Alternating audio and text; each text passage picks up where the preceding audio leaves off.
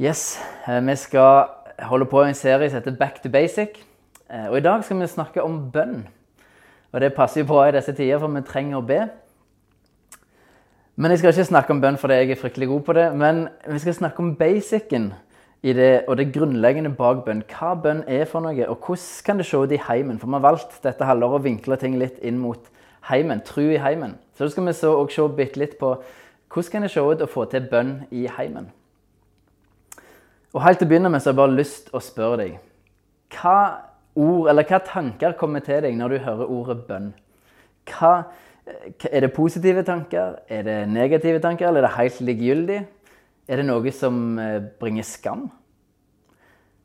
Jeg vil ikke bli overraska om det er noen, kanskje mange, som kjenner at ja, dette bare gir noen positive assosiasjoner, men det òg gir en del negative assosiasjoner.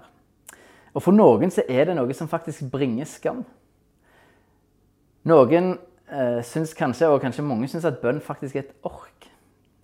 Eh, at det er en plikt, det er et sånn byrdeting som som du bør gjøre som kristen. og Hvis du ikke gjør det, så er du mislykka. Og at det bare er slitsomt. Og når vi ber, så blir det kanskje sånn handleliste som vi kommer med. Ja, Gud, jeg trenger dette, dette, dette. Husk på den og den og den, og så bla, bla, bla. Og så blir det kanskje ikke så mye liv i det. Jeg sier ikke at alle har det sånn, men jeg tror veldig mange av oss kan kjenne igjen noen element av det som jeg sa nå. Og For noen år siden så hadde for meg så var bønn noe som faktisk eh, ville føre til skam. Og hva forteller en sånn holdning oss til bønn?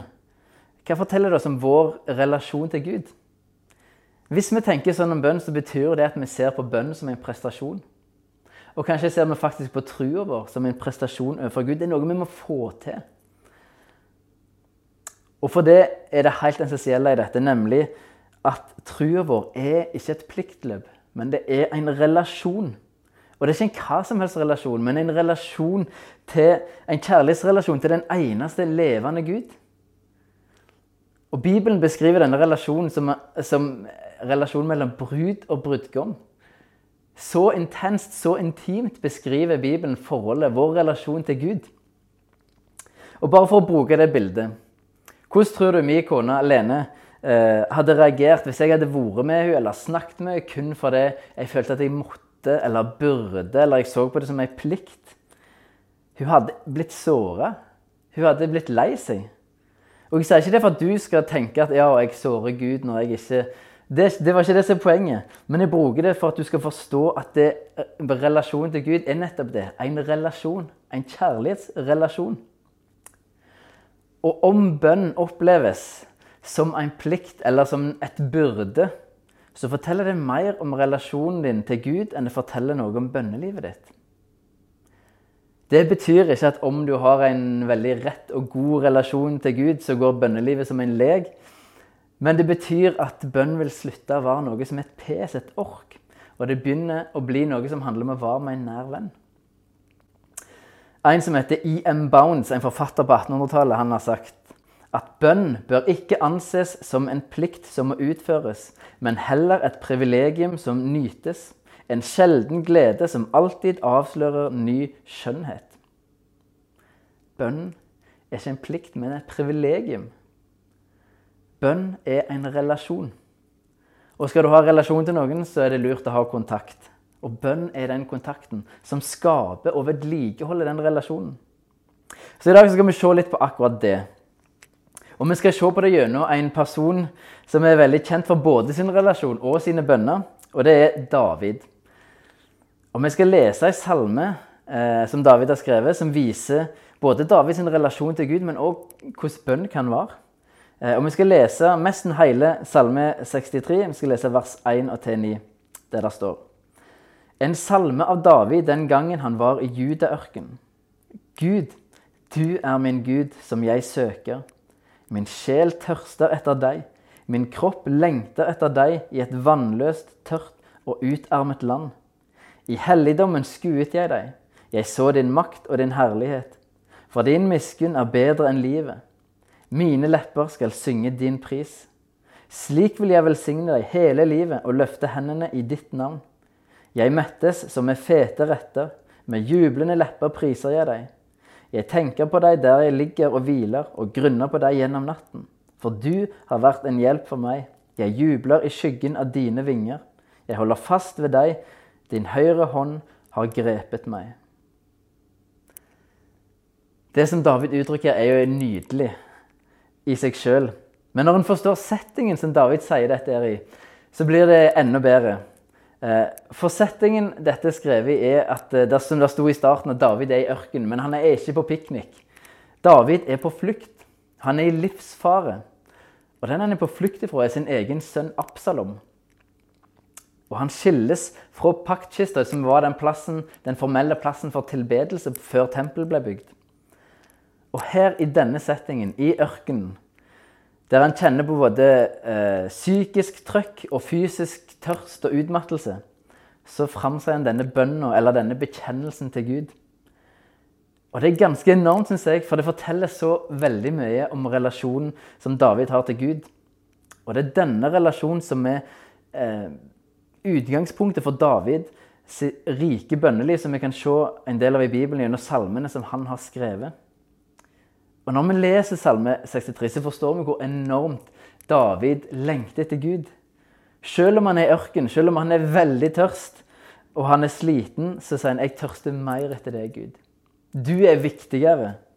Og han sier at han mettes av Gud. Og her er mat et bilde på behov og tilfredsstillelse. Og David uttrykker at Gud er det som gir han det som hans sjel lengter etter. Og ingenting annet kan gi han en lengte etter.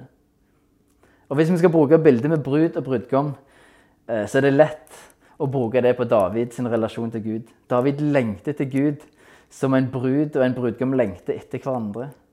En sånn relasjon har David med Gud. Og nå kan en jo tro at ja, David levde et sånn rosenrødt liv, eller han Ja. Men var det så veldig rosenrødt? Nei, det var ikke det. Og hvis vi ser på livet hans, og hvis vi ser på salmene han har skrevet, de andre salmene, hva ser vi da? Jo, de fleste av de salmene er faktisk klagesalmer. Der David roper til Gud Gud, hvor er du hen? Hvor lenge, Gud, skal, du, skal jeg være vekke fra deg? Hvor lenge er det før du skal gjøre noe? Hvor lenge, Gud? Hvor er du hen, Gud? De er det faktisk flest av. Og så er det noen av salmene som er lovsanger til Gud fordi Gud, du er fantastisk, jeg har lyst til å prise deg. Noen handler om lengsel etter Gud, noen handler om at eh, David er redd og trenger Gud, osv. Og, og greia er jo at David sine salmer beskriver livet. Og han uttrykker alt det som skjer i livet overfor Gud. Han, det som bønner til Gud, som en, som en uttrykkelse til Gud. Og det er det som er greia med bønn. Det handler om å henvende seg til Gud i alt det som skjer. Og fordi David har en sånn tett relasjon til Gud, så er det det mest naturlige for han er å henvende seg til Gud i alt som skjer. Og det handler om å snakke med den du elsker. Fordi du liker det, fordi du trenger det, fordi du vil det. Det er bønn. Og det handler om en kjærlighetsrelasjon, ikke et tvangsekteskap. Men bønn handler ikke bare om å uttrykke følelser, selv om det er veldig bra. David bruker òg bønn til å proklamere sannhet. Og han bruker bønn til å lytte til Gud. For bønn er ikke nødvendigvis en enveiskommunikasjon, men det er mer en kommunikasjon som går begge veier. Og Nå vet jo ikke jeg hvordan bønnelivet ditt er, hvordan relasjonen din til Gud er. Men jeg kan i fall si for min del at når jeg fikk et rett bilde på hvem Gud er, Eh, og at trua faktisk handler om en relasjon til Gud som er så fantastisk. Så ble bønn noe helt annet enn det hadde vært før. Før så var bønn eh, plikt. Det var noe jeg burde ha gjort, men ikke fikk til. Det var noe som gjorde at jeg følte, kjente på skam. For som kristen så burde jo bønn være naturlig. Du, alle kristne ber, tenkte jeg. Eh, og så ble det noe som ikke mestra, noe som førte til at jeg følte meg mislykka og kjente på skam. Og jeg tipper du har kjent på noen av de samme greiene og tankene sjøl. Og selv om dette endrer seg for min del, så betyr ikke det at jeg ber hele tida. Men bønn ble mye mer innbydende enn det var før, når jeg fikk relasjonen og gudsbildet på plass. Og det ble mye mer lystbetont. Og hvis vi tar bildet med brud og brudgom igjen For at bønnen skal bli lystbetont, så trenger vi å forstå perspektivet til brudgommen, som da er et bilde på Gud. Nå er jeg så heldig at jeg har fått være brudgom sjøl. Eh, Og jeg har stått med alteret og sett at, eh, at mi Lene kom gående opp, eh, opp midtgangen. Og det var et nydelig øyeblikk. Jeg var veldig nervøs, men det var nydelig. Eh, og Lene var så nydelig, og det var et fantastisk øyeblikk. Og det var en pastor som har sagt det at eh, han hadde via veldig mange når han sa det at 'jeg har aldri sett ei brud som ikke er nydelig'. Det funker hver eneste gang. Og det, er, det som er greia med bryllup, det er nydelig. Det er noe fantastisk med å se to mennesker som, som, som eh, lover hverandre et ja. Og det er noe, en spesiell atmosfære. Og den dagen jeg, den jeg gifta meg med Lene, den dagen jeg via meg og ble gifta meg, så det er den dagen jeg lengta etter. Og jeg er et ufullkomment menneske med mange feil og mangler. Men tenk hvordan Gud ser på meg. Det er hvordan han lengter etter oss. For det er han som har funnet opp dette bildet med brud og brudgom. Det er ikke noe vi har kommet på sjøl. Og Gud står og lengter etter deg der du kommer gående opp midtgangen. Han, sånn står han og lengter etter deg. Og din vandring opp den midtgangen, det er livet ditt.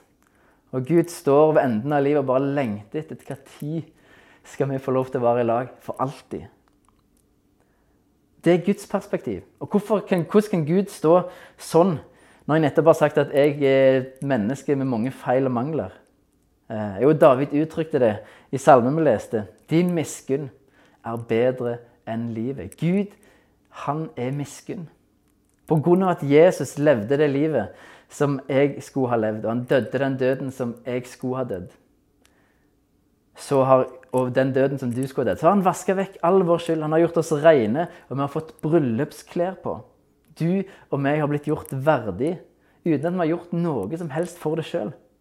Og Gud fryder seg over oss når vi tror på Han. Han lengter sånn etter meg og deg. Som en brudgom lengter etter en brud. Og som det står i Hebreerne 10, eh, 19 På grunn av Jesu blod så kan vi komme fram for nådens trone. På grunn av Jesu blod så kan vi være brudgom for Gud. Og han står og lengter etter oss. Han står og tripper bare Når skal vi få lov til å være i lag for alltid? Det er Guds perspektiv. Forstår du hvorfor David lengta sånn etter Gud? Bønn, det er en respons, en re reaksjon på relasjonen til Gud. Det er det som bønn er. Derfor skrev David så mange salmer. Derfor hadde han et sånt rikt bønneliv. Fordi han hadde en sånn relasjon til Gud. Så hva med bønn i heimen, da? Eh, hvordan får vi til det? Og jeg har tenkt, og jeg tenker at det er viktig at ektefelle og barn opplever at bønn er noe som du ønsker. Det er ikke noe som, som er en plikt. At det ligger en relasjon bak bønn. For det tror jeg ungene våre vil gjennomskue. Hvis det er unger, så vil de gjennomskue det. Og det betyr ikke at en skal dra med ungene på bønn i hytt og vinkel og blande inn i absolutt alt. For det kan oppleves unaturlig. Men heller finne de arenaene som faktisk oppleves som naturlige. Og rent praktisk, hvis du har unger, så er det stor sjanse for at det er hektisk, og det er få ganger en er samla hele familien. Kanskje er det faktisk kun når han er det middag eller et annet måltid. Og kanskje kan det være en fin arena for å be før en er i lag. Og jeg vil slå et slag for å be sammen, heller det enn å synge et bordvers som ingen tenker over. Kanskje noen reagerer og syns det er galt å si, men jeg mener det. Jeg tror det er bedre å be ei bønn. Kanskje kan en nevne en ting hver som en kan takke for, eller har lyst til å be for, og så ber en en kort bønn før en er det. Det kan være en veldig fin ting å gjøre i lag, der bønn kan bli mer naturlig. Eller når ungene legger seg, eh, og det å be kveldsbønn med dem, eller kanskje la dem òg få lære å be sjøl. Der fins mange verktøy eh, som vi kan bruke, pedagogiske verktøy for det å lære ungene å be. Så også funker sånn popkornbønn funker bra. Eh, der én begynner med å be for en ting eller takke for en ting, og så er det neste sin tur, og så veksler det fram og tilbake sånn. Der fins mange ting som vi kan bruke. Men det viktigste er at en begynner en plass. Og ikke begynn for stort, men begynn en plass som er overkommelig. Og så er det én ting til som er veldig viktig. Det er for de som er gift. Og det er å be sammen med ektefellen. Eh, og jeg, tror, jeg har inntrykk av at det er mange som syns eh, at det er vanskelig. Det er utfordrende. Det var det òg for meg og Lene. Det var faktisk utfordrende. Og, og det gikk en stund før vi ba i lag. Men når vi først har begynt å gjøre det, så var det fantastisk. Eh, og det er en sånn velsignelse å få lov til å be i lag. Eh, og det er noe som binder en sammen. Og det er noe av det fineste. Det binder en sammen. Eh, en uttrykker kanskje sine dypeste lengsler fra Gud. Og så får den andre ta del i det, så er det noe som binder en sammen. Og det har jeg lyst til å oppfordre deg til å gjøre. Hvis du er gift, be i lag med ektefellen. Begynn med det. Eh, det er en stor, stor velsignelse. Og Dette med bønn i heimen kan være helt fremmed for noen, mens for andre er det mer naturlig. For noen handler det om at relasjonen til Gud kanskje ikke er helt der den skal være, eller en dårlig, eller gudsbildet er feil. Eh, mens for andre handler det bare om å finne den rette arenaen. Relasjonen funker, alt det der. En bare må gjøre det. Finne den rette arenaen. Men jeg har lyst til å oppfordre deg til, uansett hvor greia ligger, så, så, sett fokus på det. Eh, om relasjonen din til Gud er utfordringen, eller gudsbildet ditt er utfordringen, ja, så begynn å be om det, da. Eh, begynn der. Si til Gud at Gud, jeg, jeg, trenger å ha en rett relasjon til deg. Jeg trenger å få se deg rett. Begynn der. Bønn er ikke en plikt som du må utføre, men det er et privilegium som bør nytes. Bønn handler om å være med Gud, om å være med pappa.